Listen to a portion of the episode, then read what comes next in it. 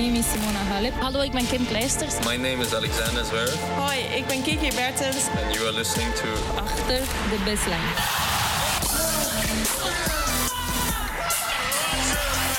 Your champion, Novak Djokovic. Dit is Achter de Baseline. Vanuit Flushing Meadows. Met Abe Kuil en David Avakian.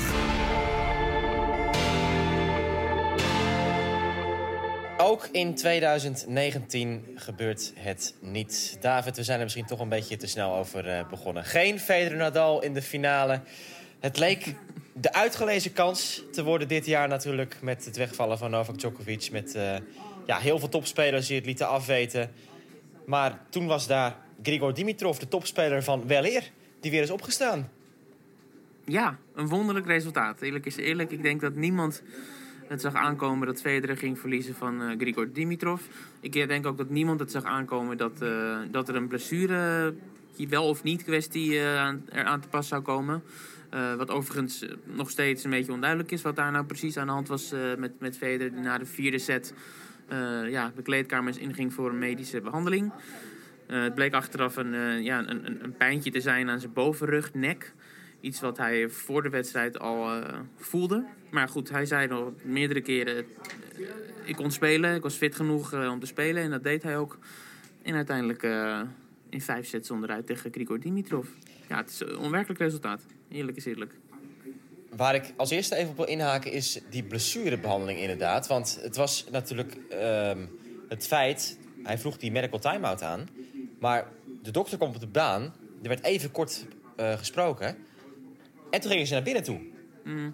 Dus toen dacht iedereen... Oh, Federer heeft last van zijn lies of van zijn onderrug. Hè, er moet, eh, het moet behandeld worden op een plek waar eh, je dat liever niet in het openbaar eh, doet, zeg maar. Maar het ging dus over zijn, zijn, zijn bovenrug of zijn nek inderdaad. En dan denk je, ja, maar waarom moet hij dan daar binnen toe daarvoor? Ja, ik, ik hoorde dat hij zei dat hij misschien gekraakt moest worden. En dat, dat, misschien dat dat een reden is hoor. Ik weet het niet. Volgens mij zijn spelers ook wel eens op de baan gekraakt. Eh, maar het kan natuurlijk ook gewoon zijn als, als Federer op zo'n moment zegt: Ik wil naar binnen. Dan gaat zo'n fysio zeggen, niet tegen Federer zeggen: Nee, we doen het hier.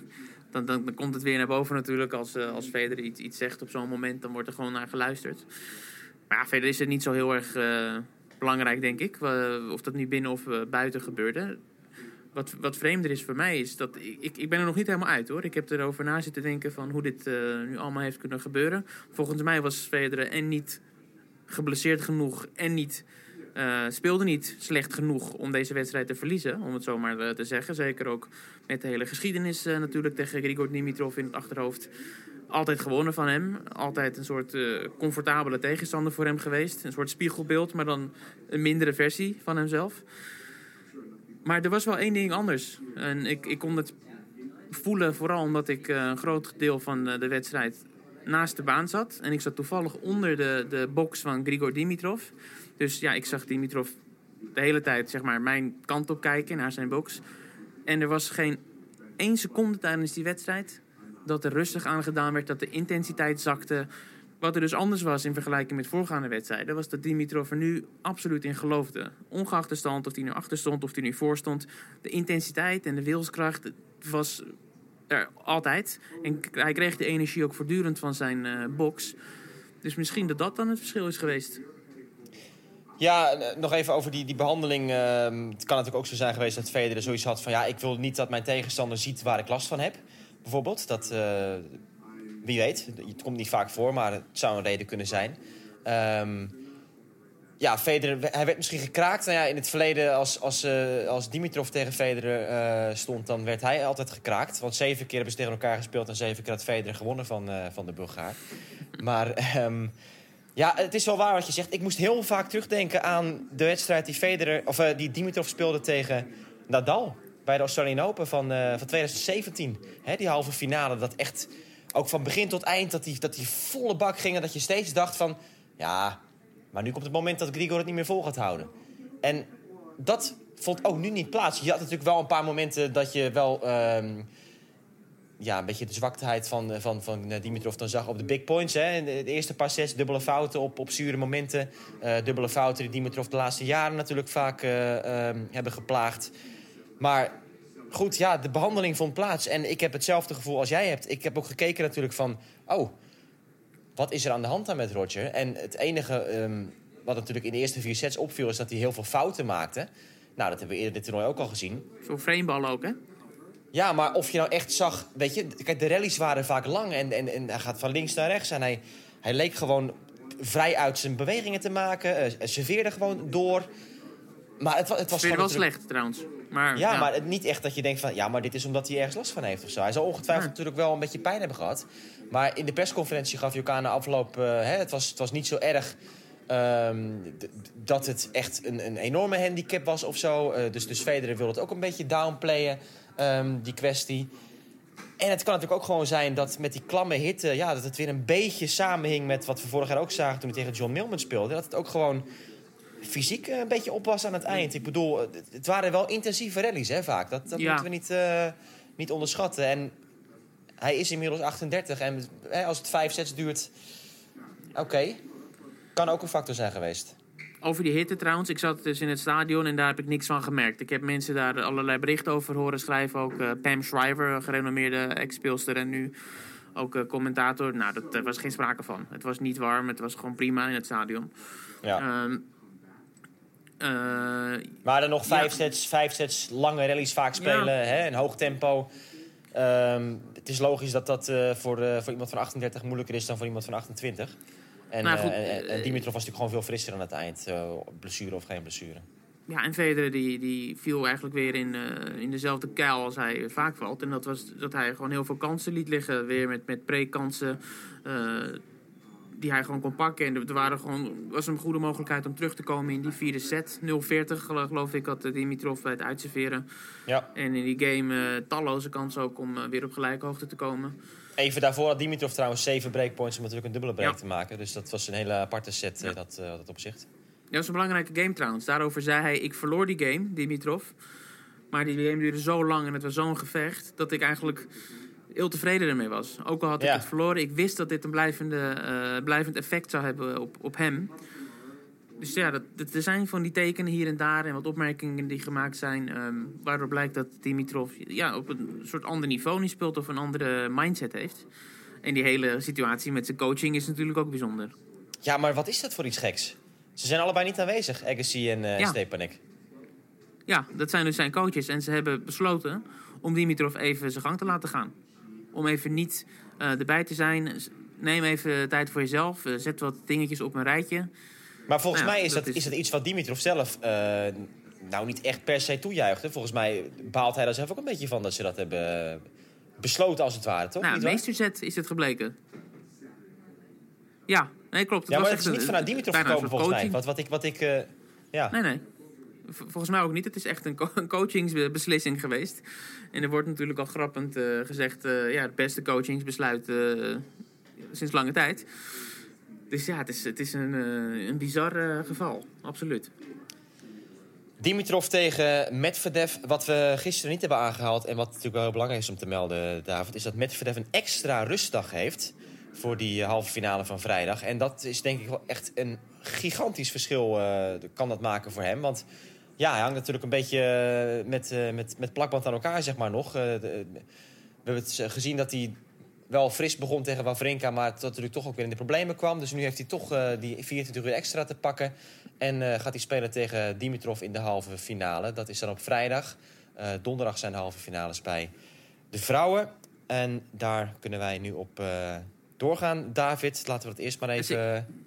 Misschien, nog heel kort een, een eh, afsluitende gedachte over Federer. Ehm, dit is denk ik wel echt een hele zware paar maanden voor hem. Want die Wimbledon finale verliest hij natuurlijk met matchpoints op eigen service. En dan nu dit, wat er gebeurt. Ik denk dat hij er later echt op terug zal kijken. En ik denk dat iedereen er, erop terug zal kijken. Wat een enorme gemiste kansen dit waren. Zeker Wimbledon natuurlijk om een extra Grand Slam te winnen. Maar hier om in ieder geval de finale weer te halen.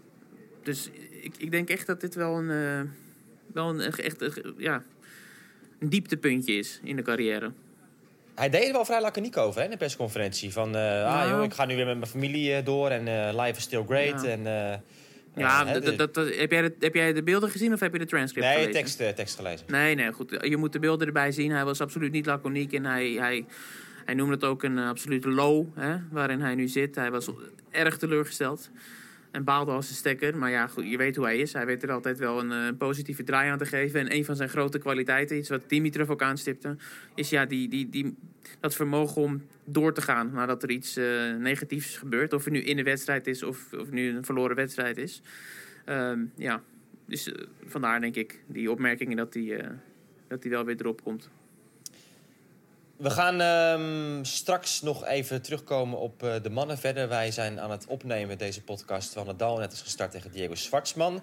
Ehm, mochten daar heel gekke dingen gebeuren, dan eh, komt dat dus in de podcast van morgen weer, eh, weer terug.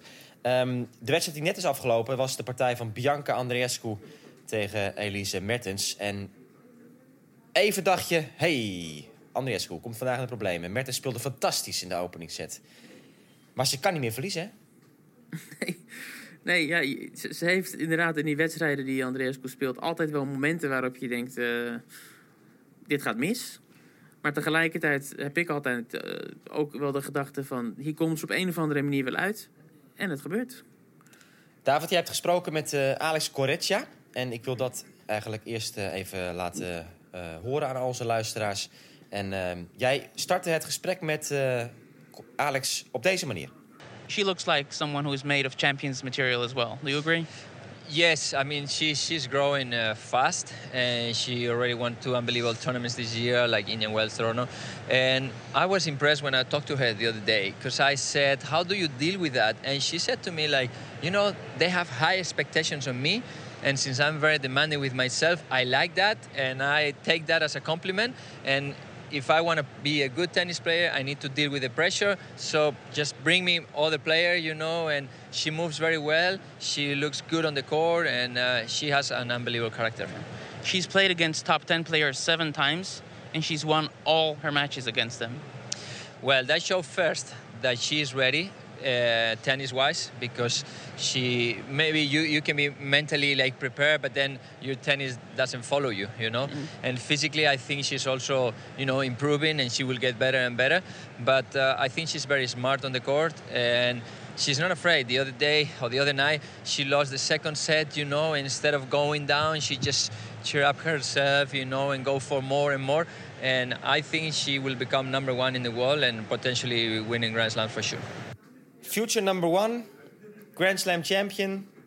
Alex Correccia lijkt ook overtuigd. Ja, zonder meer. Iedereen is overtuigd. Het is een soort... eh, ja, een sensatie voor iedereen. En, en er is natuurlijk weinig informatie nog over haar. Dat maakt het ook tot op zekere hoogte nog vrij eh, mysterieus. En ehm, de coach van, eh van Andreescu die was ook hier tijdens de persconferentie gisteren. Dan konden we hem spreken. En, en iets belangrijks wat hij opmerkte over dat succes dat van Andreescu heeft tegen andere speelsters en ook tegen top 10 eh, spelers, is gewoon die onbekendheidsfactor van haar. Ze weten het niet. En, ehm, Beetje de me denken- Sabalenka van, eh, van dit jaar is, hè, Ja. wat Piers zegt. Hè? Dat was ook ineens eh, alles wat op het pad kwam, dat werd eh, verpulverd. En tegenstanders wisten niet wat, het, wat hen overkwam als ze Ja. tegen haar speelden. Ehm, en dat deed me denken aan wat Pliskova, ik weet niet meer waar, maar ik weet zeker dat ze dat gezegd heeft over die nieuwe generatie en die zo succesvol is. Zij zei, het jaar nadat ze zijn doorgebroken, dat is cruciaal. Want dan heeft iedereen het gezien. Het jaar erop komt, iedereen die kan zich aanpassen op het spel. En als ze het dan, zeg maar, zich staande weten te houden, dan zijn het echt de blijvers. Dus dat is op zich eh, ja, wel een, een, mooie opmerking en zeker wel iets om in de gaten te houden. Ja, en Andreescu eh, nu dus weer in de halve finale. Ze gaat haar top 10 debuut nu zeker maken. En we hebben een mooie line-up nu bij eh, de halve finales bij de vrouwen. De dag van donderdag staat in het teken van die partijen. Ehm, het klinkt ook heel mooi, hè? We hebben Belinda tegen Bianca en Serena tegen Elina. En eh, Belinda Bencic natuurlijk, die heeft ook gespeeld tegen Donna Vekic. Dat was ook best toch een eh, strijd, hè? Twee vriendinnen tegen elkaar. En dat was, nou, kantje bord nog wel voor, de, voor Bencic ook. Ja, maar gewoon twee, wel twee sets, maar wel close. Eh, een gelijk opgaande strijd. En de belangrijke punten gingen uiteindelijk naar eh, Belinda Bencic. Eh, trouwens ook BB tegen BB, hè? Bianca. Oh, dat is helemaal niet waar. Het is wel Belinda Bencic, maar, maar, een, maar het is wel BB in die zin dat de bijnaam natuurlijk van Andreescu Bibi is. Dus in die zin is het eh, tot op zekere hoogte wel eh, BB tegen Bibi dan. Ehm, ja, nee, eh, Belinda Bencic, die, eh, het is eigenlijk te gek voor woorden dat zij vijf jaar nadat ze hier de kwartfinale haalde, hier dan nu de halve finale haalt. En ze is nog zo jong. Ze noemde zichzelf een, een oude, jonge speelster vandaag. Ehm, ja, hartstikke Ja, leuk. in de, in die persconferentie zei ook van... mensen denken vaak dat ik ouder ben. Omdat ze natuurlijk inderdaad zo jong al eh, Ja. zo goed was. En ehm ja, Benji is ook natuurlijk weer eh, straks in de top 10. Hè? Die, gaat die gaat ook eh, goede zaken nu, nu doen voor de race to Shenzhen. Het is voor Kiki Bertens wel echt een, eh, een doemscenario wat hier allemaal gebeurt. Want Bencic, Andreescu, Svitolina, Serena Williams... dat zijn allemaal speelsters die onder Bertens net stonden... in die eh, race to Shenzhen voor eh, de top 8 plaats aan het eind van het seizoen. Ja, en die zitten dus allemaal nog in het toernooi. En die gaan dus ja, misschien wel drie van de vier over Kiki heen in die ranking. En dan zouden ze zakken naar plaats 9. Dus dat wordt nog lastig voor Bertens om dit jaar ook die WTA-finals in Shenzhen te halen verder. Serena Williams, moeten we nog op terugkomen, David. Dat was eh, snel bekeken gisteren. 44 minuutjes tegen Wang. En ja, dan krijg je toch medelijden natuurlijk met, eh, met degene aan de andere kant van het net. Ja, zeker ook gezien die ene statistiek natuurlijk die overal werd herhaald. Wang die eh, kreeg 25 winners om de oren en wist zelf niet één winnaar te slaan. Nul. Ja, dat is gewoon dan de 18e reeks of deze. Dat is toch wel pijnlijk eh, op zo'n groot podium. eh, en in, in zo'n fase van het toernooi natuurlijk. In de kwartfinale, zo'n blowout. Ja, nou goed, Serena Williams eh, heeft natuurlijk de afgelopen tijd best wel wat wedstrijden laten zien. Hè? Dat, ze, dat ze haar topniveau zeker wel kan halen. Alleen of ze het, het hele toernooi in, in dit geval tot het einde vol zou houden, dat is nu interessant om te zien. Ja, en in die partij merkte je heel erg dat, dat Wang natuurlijk... Ja, ze wordt dan gedropt in het RTS Stadium. Zo'n night session tegen de, de legende Serena. En je ziet dat ze in het begin een beetje zoekende is. Een ritme wil opbouwen. Het is sowieso een ritmespeelster natuurlijk. Hè? Met, met, eh, met vastheid die van lange rallies houdt. Counterpunchen. Maar ja, Serena, die, eh, vanaf de eerste bal dacht ze... Ja, dit gaat dus gewoon niet gebeuren. Het wordt eh, aanpakken en uitdelen en wegwezen met, met jou. Ehm, en ze zat eigenlijk... Serena die, die, die zegt nooit van zichzelf, althans praktisch nooit... dat ze blij is met haar optreden. Maar nu in de persconferentie na afloop, wat ik heb gelezen weer... is dat, eh, dat de journalist ook heel enthousiast was en lyrisch... van ja, hoe voelt het nou om in de zone te zitten en alles te raken. En nu ging ze daarin wel mee. Dat ze ook wel, eh, wel merkte van ja, dit was wel een bijzondere avond... waarin eigenlijk alles goed ging. En eh, ja, het was vlekkeloos. Het was vintage Serena. Absoluut. En zoals je zegt, het is altijd super kritisch. wat, wat er ook gebeurt, ook als wint. Maar ja, nogmaals, het, het zal interessant zijn om, eh, om, om nu te zien of ze, of ze het nu wel door kan trekken. En ik heb wel het gevoel dat ze. Ja, misschien, misschien is dat onterecht hoor. Dat ze nu wel echt fitter is en scherper is en sterker is dan, dan al die vorige keren. Ook toen ze de finale van Slams haalde de laatste tijd. Dus, en ik denk dat de, de, de overgebleven speelsters op Andreas Kouna misschien ehm, ja, best wel eigenlijk eh, comfortabel zijn. Het zijn geen speelsters die, die, die, ja, die, die op structurele basis van haar hebben gewonnen. Want ze had natuurlijk Kerber dat ze een paar keer waar ze eerder natuurlijk negatieve ervaringen tegen had. Svitolina, waar ze nu tegen moet spelen, heeft natuurlijk ook een keer van haar gewonnen op een belangrijk podium in de, op de Olympische Spelen in eh, Rio de Janeiro. Had je trouwens dat- eh, gehoord wat ze over Rio zei, Serena, in de persconferentie? Nee, ik, eh, ik, ik zat het transcript nog af te lezen, maar toen, toen belde jij voor, eh, voor onze podcast. Dus Oh, oké. nou, dat was heel grappig. Ze werd natuurlijk geconfronteerd met die ontmoeting eh, met Svitolina op de Olympische Spelen in Rio. En Serena die keek meteen naar beneden. Eh, die zei, oh, ik, ik, ik verloor toen ook voor het eerst in mijn leven in de, in de dubbel. En ik was zo, zo onder de indruk daarvan. En toen verloor ik ook die single. conclusie, ik, ik heb Rio niet gespeeld, zei ze. Ik heb niet meegedaan aan de Olympische Spelen in Rio de Janeiro, zei ze. En ze moest er heel hard om lachen daarna ook. Dus dat zegt wel wat over, ja, over de, de plek van dat toernooi eh, in haar hoofd. Ehm, nou ja, goed, de Olympische Spelen zijn, zijn altijd heel belangrijk voor, eh, voor Serena. Ja. Eh, het feit dat ze dat nu nog zo goed herinnert, dat, dat geeft er ook wel wat aan. En wat mij vooral interesseert is dat het de laatste keer nog steeds is dat ze tegen elkaar hebben gespeeld überhaupt. Eh, Williams en Svitolina. Dat is dus ruim drie jaar terug. Goed, ja, Serena heeft niet veel toernooien gespeeld. Ja. Maar dat geeft toch wel een soort extra, ja, hoe moet ik het zeggen, eh, ding aan die wedstrijd. Dat je niet meer echt dus datapunten hebt. Hè? Zo wordt het soms, Precies, eh, soms ja. gebruikt. Je weet niet precies hoe die matchup nou ligt eh, eh, in deze tijd. Veel gebeurt met, met beide speelsters. En Svitolina is wel iemand die natuurlijk, ook als Serena gewoon heel, heel drukvol speelt... Ja, die toch net wat meer ballen kan terugbrengen nog. En, en kan counterpunchen dan, dan Wang. Zij is natuurlijk net echt een, een niveau hoger nog daarin. Plus dat zij eh, ook wel houdt van dat soort grote partijen, Svitolina. Die schitteren in zo'n groot stadion. eh, eh, zeker in de underdog-positie. Volgens mij is het wel iets waar Svitolina ook beter van wordt. Ja, en ze heeft natuurlijk, we vergeten dat af en toe te melden, de, ehm, de WTA Finals vorig jaar gewonnen. Toen er niets in van haar werd verwacht. Precies, toen, maar dat is eigenlijk nooit het geval. Er wordt nooit eigenlijk iets, eh, iets van Svitolina Nou, nee, dat ben ik niet met je eens. Want zij heeft natuurlijk grote WTA-toernooien gewonnen. En dan was het vaak dus, dan, dan begonnen die Grand Slam-toernooien. En dan dacht iedereen, oké, nu gaat Svitolina doorbreken in een Grand Slam-toernooi. En dat gebeurde dan vaak net niet. En ehm, ook bijvoorbeeld tegen Halep, als ze een keer 5-1 voor stond, eh, matchpoints... En, en toch die partij nog uit handen liet glippen op Roland Garros... Ah, andere, ja. andere zaken. ehm, dus, dus dat ben ik niet helemaal met je eens. Maar morgen, morgen is zij dus, ja, alles wat ze morgen pakt, dat is natuurlijk winst voor Svitolina. Zeker, zeker. En ik verwacht ook, zoals je zegt, eh, een ultiem gevecht. Ze zal tot het uiterste gaan. Dit doet ze altijd.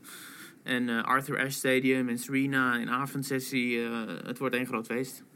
Ja, en Andriesco Bencic is ook echt een heel leuke partij om naar uit te kijken. Het zijn twee partijen die in de avond worden gespeeld. Hè? Dus het is laat opblijven voor iedereen in, in Nederland om dat live mee te maken.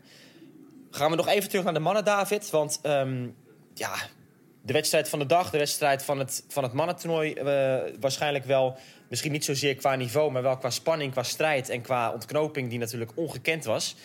Dat was de partij van ehm, Matteo Berrettini en Gaël Monfils. Berrettini speelde zijn eerste kwartfinale ooit van een Grand Slam toernooi. Monfils die ging op voor zijn derde halve finale ooit in een major. Die had het bij de US ook al een keer gehaald in 2016.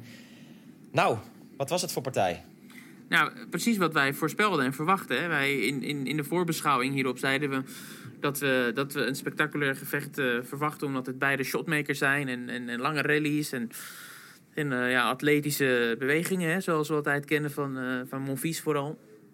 Nou, en, dat, dat werd het ook. En die begon en was eigenlijk een klasse te goed, bijna, hè, aan het begin. Maar ja, daarna kantelde het. Ik, ik was vrij verrast daardoor dat, het zo, dat, dat Monfils het zo ja, liet liggen, kan je niet zeggen. Maar ja, dat, dat, dat hij de ruimte gaf aan, aan eh, Berrettini om terug te komen. En hij kwam toen 2-1 voor in sets. Uiteindelijk toen nog 2-2. En ja, toen die, eh, die spectaculaire vijfde set. En vooral het einde was natuurlijk... eh, ja, zeg het eens. Memorabel. Ja. Nou, even iets dieper nog op die, op die eh, sets 2 en 3. Want je zegt het al, Monfils die begon echt flitsend en zeer geconcentreerd en scherp en gaf niets weg. Begin tweede set heeft hij een vroege break. Hij heeft de kans om een dubbele break te maken dan. Dat gebeurt niet. En vanaf dat moment zakt hij gewoon weg, Monfils. Hij gaat ook defensiever spelen. Hij gaat ook meer fouten maken. Ehm, zet dus de deur open voor Berrettini van... oké, laat maar zien wat je kan eigenlijk. Hè, de- grijp het initiatief maar ook een beetje. En hij ging beter spelen, Berrettini. Nou, en, en eh, daarbij moet ik ook zeggen dat Monfils haast eh, uitgeput leek. Alsof hij eh, Ja, meer had is van die... Ja, nou ja, maar nou ja, niet in de eerste set. En, en ook niet in de andere wedstrijden dit, dit, dit toernooi. En goed, het dak ging trouwens halverwege nog dicht, omdat het ging regenen. En nou ja, lang verhaal kort. eh, vierde set, toen, toen vond hij weer een soort eh, reservetank in zichzelf. Toen besloot hij ook van, oké, ik ga nu weer eh, het publiek erbij betrekken... En, en mijn passie tonen. En toen werd het een hele andere partij in dat opzicht. En begin vijfde set was het ook weer helemaal weg bij Monfils. Toen kwam hij gelijk weer achter een break. Ehm, ja, en toen gebeurde er van alles en nog wat. Toen de, de, Berrettini mocht serveren voor de wedstrijd. En op matchpoint sloeg hij echt een totaal verkrampte dubbele fout. Ja. En het was alsof dat moment in het hoofd van Monfils ging zitten. Want die break kwam daarna. En vervolgens ging Monfils allemaal dubbele fouten slaan Ja, in de laatste te fase van de partij. Ja, dat was natuurlijk heel sneu om te zien ook. En, eh, en Berrettini pakt die, eh, pakt die partij in een tiebreak vijfde set. Maar het is natuurlijk wel knap dat je als nieuwkomer hè, serveert voor de winst vijfde set. Dubbele fout, zo'n zo'n spanning. En hij, hij kan het wel van zich afzetten. Dat vind ik zo knap. Dat Berrettini echt ook later ook nog een keer 0-30 pakt hij de game. Ehm, en in de tiebreak dus was hij eigenlijk de meer koelbloedige. Eh, en Monfils die, die had zijn zenuwen niet onder controle. Eens. Eens. En hij kan natuurlijk leunen op, op... Ja, ik vind het toch een vrij machtig spel wat Berrettini heeft. En ook gewoon fysiek natuurlijk 1,96. Eh, maar veel, hij oogt heel bewegelijk.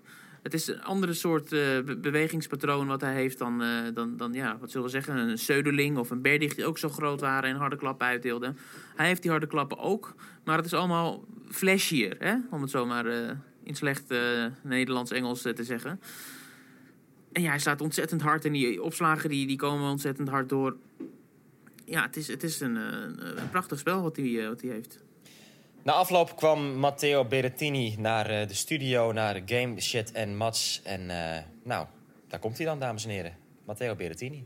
Thank you very much. Has, Thank it, you very has much. it sunk in yet that you're in the semis of a Grand Slam? Oh my God, yes. It has? Yeah, uh, I'm so happy for me, for my team, for my family, for all the Italians that are watching here in Italy. Uh, I don't know what to say, guys. I'm, I mean, sitting here next to you, it's something like a dream, you know? No, but uh, to me, it's uh, you win this match because you're positive. You have, to me, a great attitude from the first point. I, always since I've seen you play, actually, but today, first point to the last point, there will be some dips, but you feel, you must feel through the match. You're the better player. You have more weapons. You're controlling some, and then you learn the lesson today that uh, you keep doing the good thing. Good things happen. Yeah, yeah. I mean, it wasn't easy, especially in the beginning. You know, I wasn't feeling that good. Yes. But I was saying to myself, okay, let's think. On the, uh, let's think about the next point. Uh, the match is, is long. We said before the match with my team, we, we were talking and we said best of five. So we need we, we have time. I ne- I have time in the court to figure out how to do it. For sure was the the first time. I mean in uh, Ash, so it's so big, so crowded, and uh, was humid. A lot of things. Gael was playing ba- uh, so good. Yeah. So I, I'm really happy about my reaction and um, about the way I, I, I fight during the match. Mats and I, we love your attitude out there on the court. There's no whinging, no complaining, especially when you had those match points and you, you couldn't convert them. You stayed positive. How? What did you tell yourself in these moments after, you know, afterwards? Well, he was laughing after the first match point. You were, yes. Yeah, I was lucky to not cry. you say like, we say like this in Italy. Uh, yeah, because I mean, I I was serving the second serve and my grip changed a little bit. I don't know, maybe the, for sure the tension. I was a little bit tired, like I said in the court. But I was saying to myself, it's normal. What you, you expect? I mean, your first time here in the quarterfinals, in uh, you never won in a match in the U.S. Open. What I mean, it's normal. Uh, so keep going, keep keep trying, and uh, You stayed for su- positive yeah, all the yeah, time. and uh, I, I I knew that if I you know, started to complain about what the chances that I have, for sure, I, I lost the match. So it wasn't easy, for sure, but I, I did a great job also on 5 love 30. I played really good, and the tiebreak was so tough. I mean, 5 2, he did a, a pass unbelievable. Yeah. And the rally at 5-4. you 5-4 was you- the best rally. Yeah, that was the best rally. You Yeah. stayed so disciplined in Yeah, that yeah, rally. yeah, um, Because we were wondering, ah, is he going to stay, uh, be aggressive? Is he going to stick in the rally? Is he going to get nervous? We, we didn't know what to expect, so you handled that No, really I, well. I said to myself, I wanna be, I wanna be brave. You know, I wanna step out on the court feeling like brave. Uh, so that's what I said to myself. I mean, even the other match points, but wasn't enough. But I keep going like this. I like to play like this, coming if I can to the net. If I, I mean, I like to to play aggressive. So that's that was the key. And uh, oh my God. Matteo, we're not the only ones asking a question. We have Alex Correccia, who uh, is dying to ask you a question as well. Let's listen to him. Ciao, Matteo Complimenti. Congratulations. I was courtside, and I have to tell you, do you think is there any chance to practice these emotions during practice normal day, or it's totally impossible?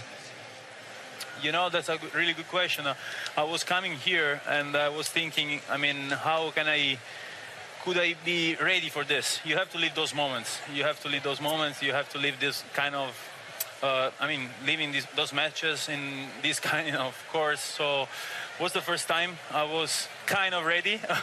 for sure, I could be better, but that's that's tennis. That's life. You have to improve. You have to do things and then learn from that. And uh, yeah, I'm, I guess I'm, I'm doing pretty fast, but You're a quick learner. yeah, yeah, a, a little bit. Yeah, I uh, yeah. And, and how long do you think you need to recover after this match, especially physically with your physio? Yeah, for sure. I'm gonna. Go to Little Italy and have a huge pasta. Pizza. for sure, I have. No, no pizza, no pizza. No. Pasta for sure. Um, yeah, massage, stretching. You know, I, I also kind of knew also this. You know, like I didn't play so many matches at best of five, so I'm learning for sure. I mean, the worst day was the after the match against Gasquet. Uh, I played four sets, and um, you know I was coming from an injury, so was, my muscles were really, really done. But I'm kind of improving also this during the tournament, so I'm really happy for my fitness condition. So I'm really looking forward to to rest and uh, see what happens. Ja, het is leuk als je, als je hem hoort, want hij is zo oprecht. En het is gewoon een, een hele bescheiden jongen volgens mij, Ja. eh, die, eh, die Berrettini. Dat, dat, is, eh, dat merk je aan hoe die, hoe die spreekt en hoe, hoe, hoe blij hij ook is. En het besef is ook meteen daar. Dat was ook leuk, eh, wat eh, Barbara vroeg het nog ter bevestiging van... Besef je het echt al dat je in die halve finale staat? Ja, ja, ja, dit is eh, echt allemaal geweldig en, en prachtig. En ook voor het Italiaanse tennis natuurlijk is het best uniek. Een, een, een mannelijke speler in de halve finale van een Grand Slam toernooi. Zeker bij de US Open. Hij is pas de tweede die het doet sinds ehm, zijn Davis Cup captain ook, Corrado Barazzuti. En dan, dan moeten we echt wel naar de jaren 70 dat het is, is gebeurd. Dus ook vond ik het wel grappig om eh, te concluderen dat vorig jaar had je Cecchinato halve finale Roland Garros. Nu heb je Berrettini halve finale US Open. Wat zou eh, Fabio denken? Shit.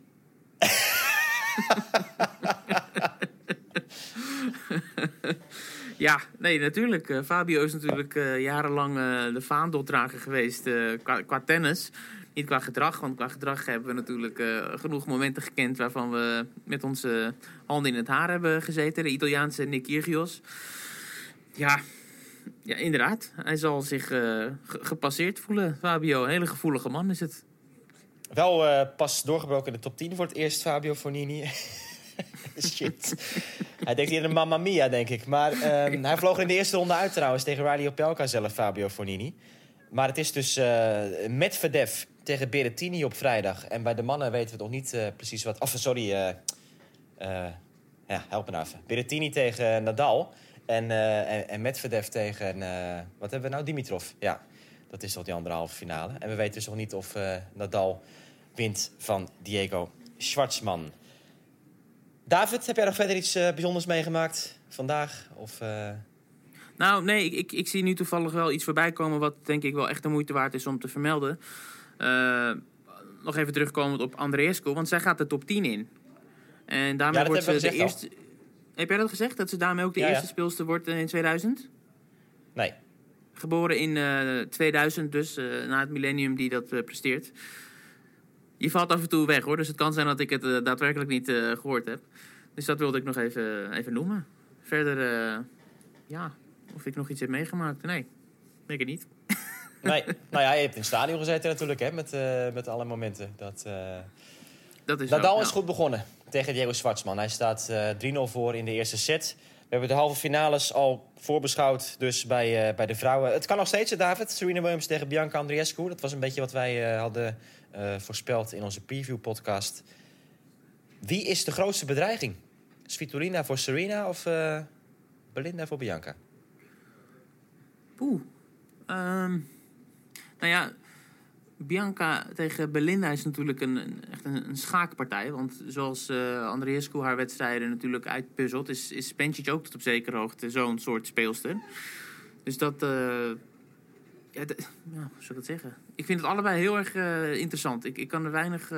ik zal geen voorspellingen doen, want daar ben ik heel erg slecht in gebleken in dit toernooi. Nog nooit zo slecht een voorspellingstoernooi gehad als dit jaar. Daarom je dat steeds niet in de podcast. Dat wordt nu ineens duidelijk. ja, nou, ik, eh, ik kan alleen zeggen dat ik er heel erg naar uitkijk. Ja, nou, laten we daarmee afsluiten voor vandaag. De halve finales dus bij de vrouwen. Dat is waar eh, de donderdag om draait. Vrijdag zijn de mannen aan de beurt. Wij zijn er weer snel met een nieuwe aflevering van Achter de Baseline.